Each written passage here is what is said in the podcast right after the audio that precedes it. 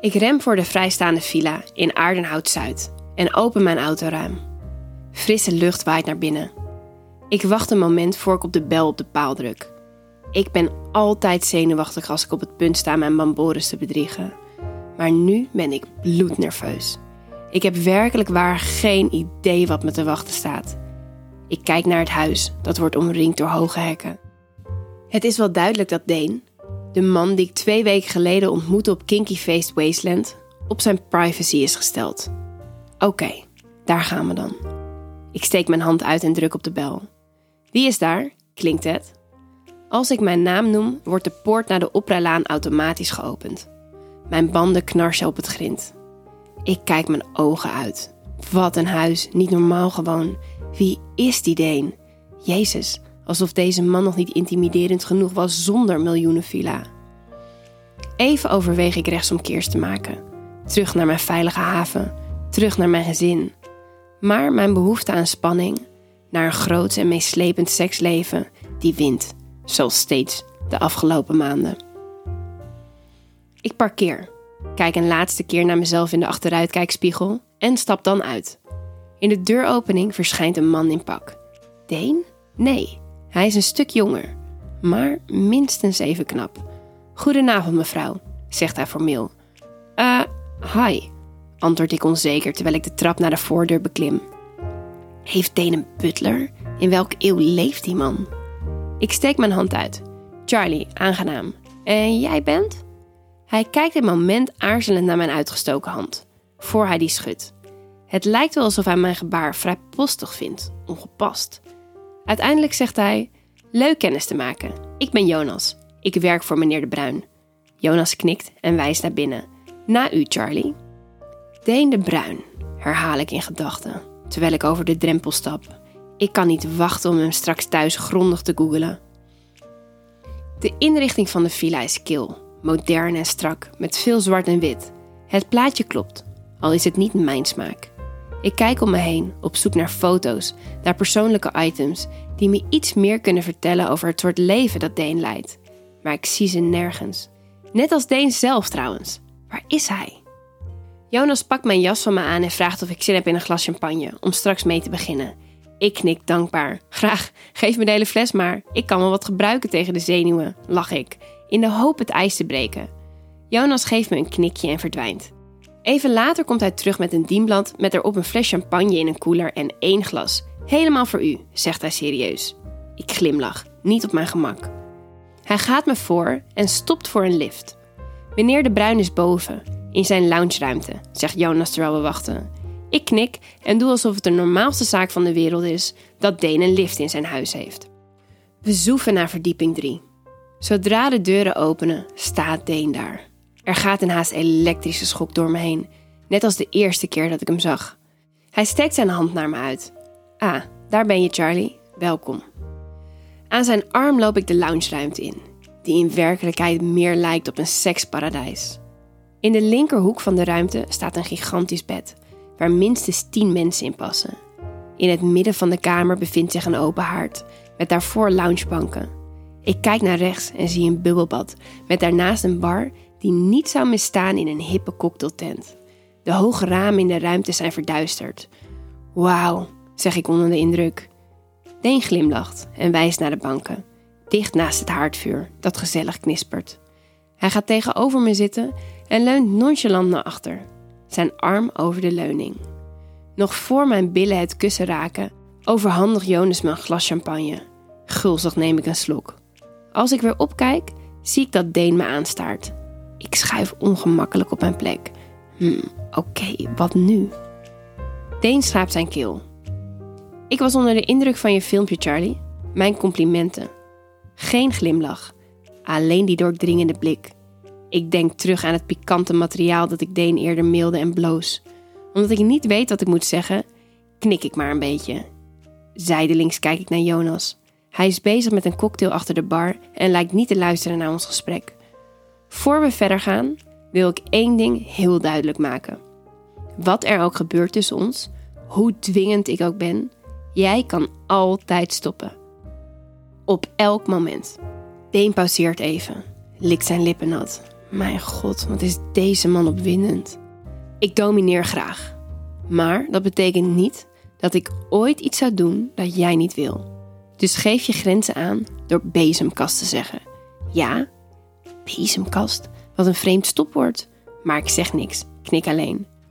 Mooi. Jonas, heb jij de lijst voor mij? vraagt Deen dan. Jonas komt aanlopen met een paar velletjes papier.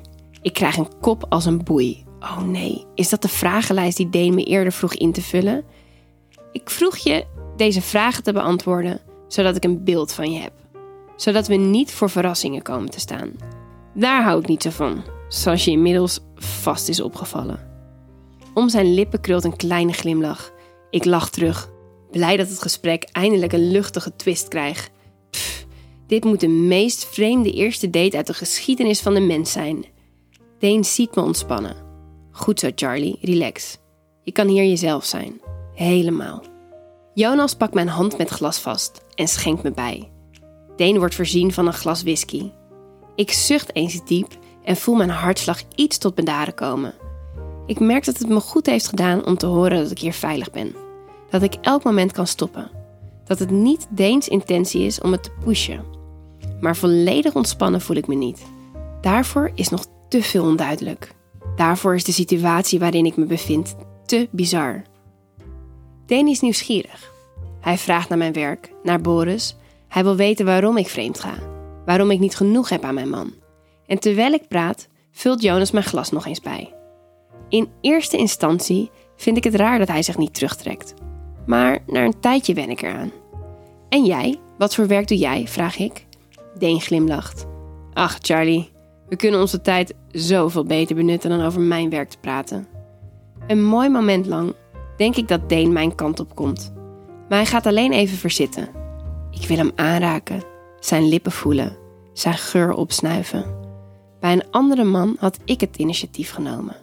Maar ik voel aan dat Deen daar niet op zit te wachten. Dat hij me zou afwijzen.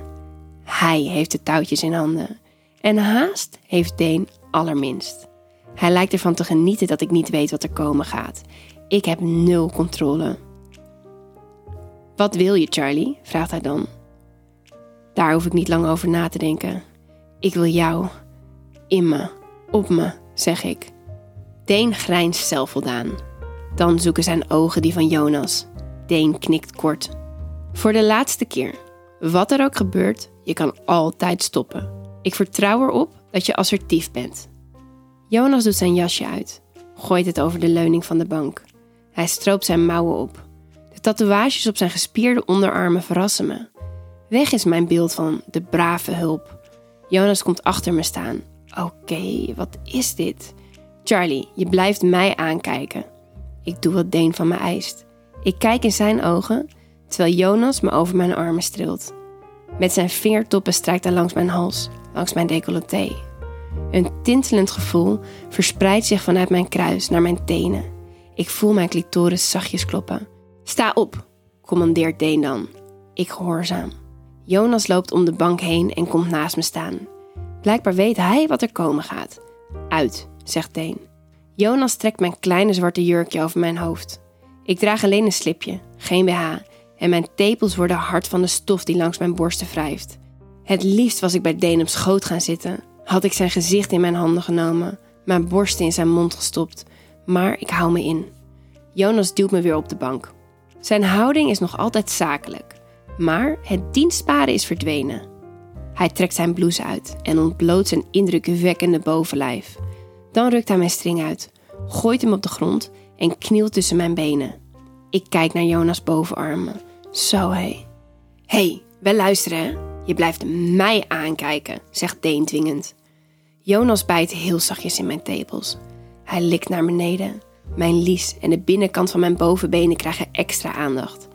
Oh, ik kreun zachtjes, terwijl ik Deens blik geen seconde loslaat. Holy shit, wat is dit geil? Zal mijn grootste fantasie, een trio met twee mannen, vanavond dan eindelijk werkelijkheid worden? Als Jonas zachtjes op mijn clitoris zuigt, kan ik een kreet niet onderdrukken. De laatste restjes nervositeit verdampen. Wat overblijft is opwinding. Alles overheersende opwinding. Ik wil Deen pijpen, terwijl Jonas me penetreert. In Deens broek tekent zich zijn erectie af. Maar hij maakt geen aanstalten zich bij ons te voegen. Als ik mijn hand naar hem uitsteek, glimlacht hij alleen. Jonas beweegt zijn tong kundig. Als mijn ademhaling zwaarder wordt, vertraagt hij zijn tempo en brengt eerst één en dan nog een vinger bij me in. Hij beweegt zijn tong en vingers op hetzelfde ritme. Ik kreun en krijg er steeds meer moeite mee Deen aan te blijven kijken. Dan staat Deen ineens achter de bank. Met zijn lippen raakt hij mijn wang aan. Ik wil me omdraaien. Ik wil hem zoenen. Niet doen, zegt hij. Hij vouwt één van zijn gigantische handen om mijn neus en mond. Ik krijg geen adem meer. Mijn hartslag dreunt door mijn hele lijf. Lichtvlekken dansen voor mijn ogen. Een moment lang voel ik paniek. Maar dan kom ik klaar. Spectaculair. Ik voel overal aanrakingen en ik schok en ik schok. Als Deen me loslaat, klap ik voorover. Ik hap naar adem en ik hijg als een hond tijdens een hittegolf. Als ik opkijk, zit Deen weer op zijn plek. Om zijn lippen de inmiddels bekende kleine glimlach. Neuk haar, hard, klinkt zijn stem. Jonas trekt me overeind en zet me achter de bank, met mijn handen op de leuning. Ik maak een holle rug. Terwijl Jonas een condoom omdoet, heb ik een paar seconden om bij te komen. Ik laat mijn hoofd even rusten op de zachte stof van de bank. Maar Deen is hier niet van gediend. Hij staat op en is bij me met twee boze stappen.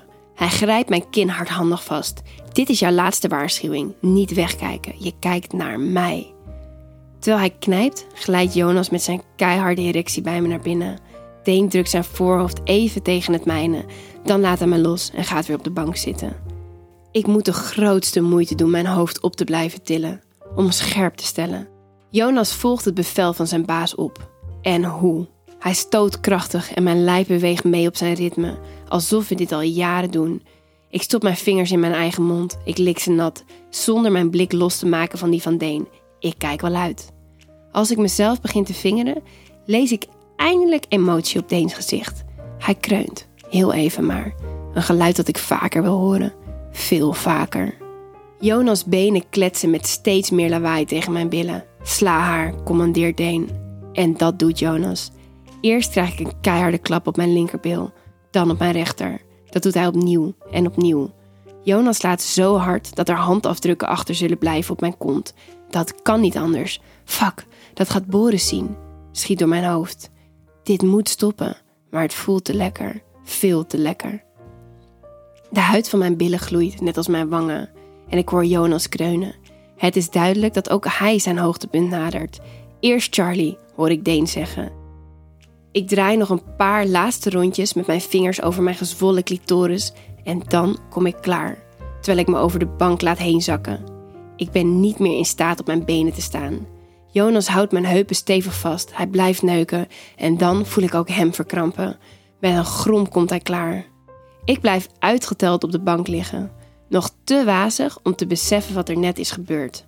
Maar Jonas gunt zichzelf geen moment rust. Hij kruipt direct weer in zijn rol van butler. Nadat hij zich razendsnel heeft aangekleed, overhandigt hij me een nat handdoekje. Wat een service. Snel kleed ook ik me aan. Ik probeer mezelf een houding te geven en sla mijn benen over elkaar. Ik veeg de uitgelopen mascara van mijn gezicht. Dan kijk ik Deen onderzoekend aan. Wat is jouw deal? wil ik hem vragen. Maar ik wil mijn eigen ruiten niet ingooien. Ik wil nogmaals uitgenodigd worden. Van zijn gezicht valt niks af te lezen. Deen is niet te peilen. Hij maakt me onzeker. Wil hij me misschien niet zelf aanraken? Vindt hij me niet aantrekkelijk genoeg? De stilte voelt onaangenaam, drukkend. Ik wil iets zeggen, maar wat? Zo, uh, nou, dan ga ik maar eens, zeg ik. Ik loop met je mee naar beneden, zegt Deen. Jonas die heeft wel een pauze verdiend. Hij knipoogt. En ik ben zo blij met het kleine grapje dat ik veel te hard lach. Het geluid klinkt schel. Fuck man, beheers je, spreek ik mezelf bestraffend toe. We stappen samen de lift in. Deens schouder raakt de mijne en ik sta direct weer in vuur en vlam, klaar voor een volgende ronde. Kom op, Deen, zeg iets waarmee ik iets kan, wens ik. Maar Deen voelt niet de behoefte om de stilte op te vullen. Samen lopen we de grote hal in. Dan opent Deen de voordeur. Nou, fijne avond. Ik zwaai en loop het huis uit. hey, kom eens terug, Charlie. Ik draai me om, zet een paar passen zijn kant op. Hij trekt me naar zich toe, slaat een arm om mijn middel en kust mijn wang. Ik snuif zijn geur op. Sla die voor altijd op in mijn geheugen. Bedankt voor een geweldige show. Ik zie je snel, fluistert hij in mijn oor. Mijn hart maakt een sprongetje. Yes, hij wil me opnieuw zien. En direct daarna ergert die gedachte me. Ik ken deze behoeftige versie van mezelf niet. Duizelig loop ik naar mijn auto en ik laat me uitgeteld op de bestuurdersstoel vallen. Nooit eerder kwam ik zo heftig klaar. Was seks zo geil en toch zo onbevredigend.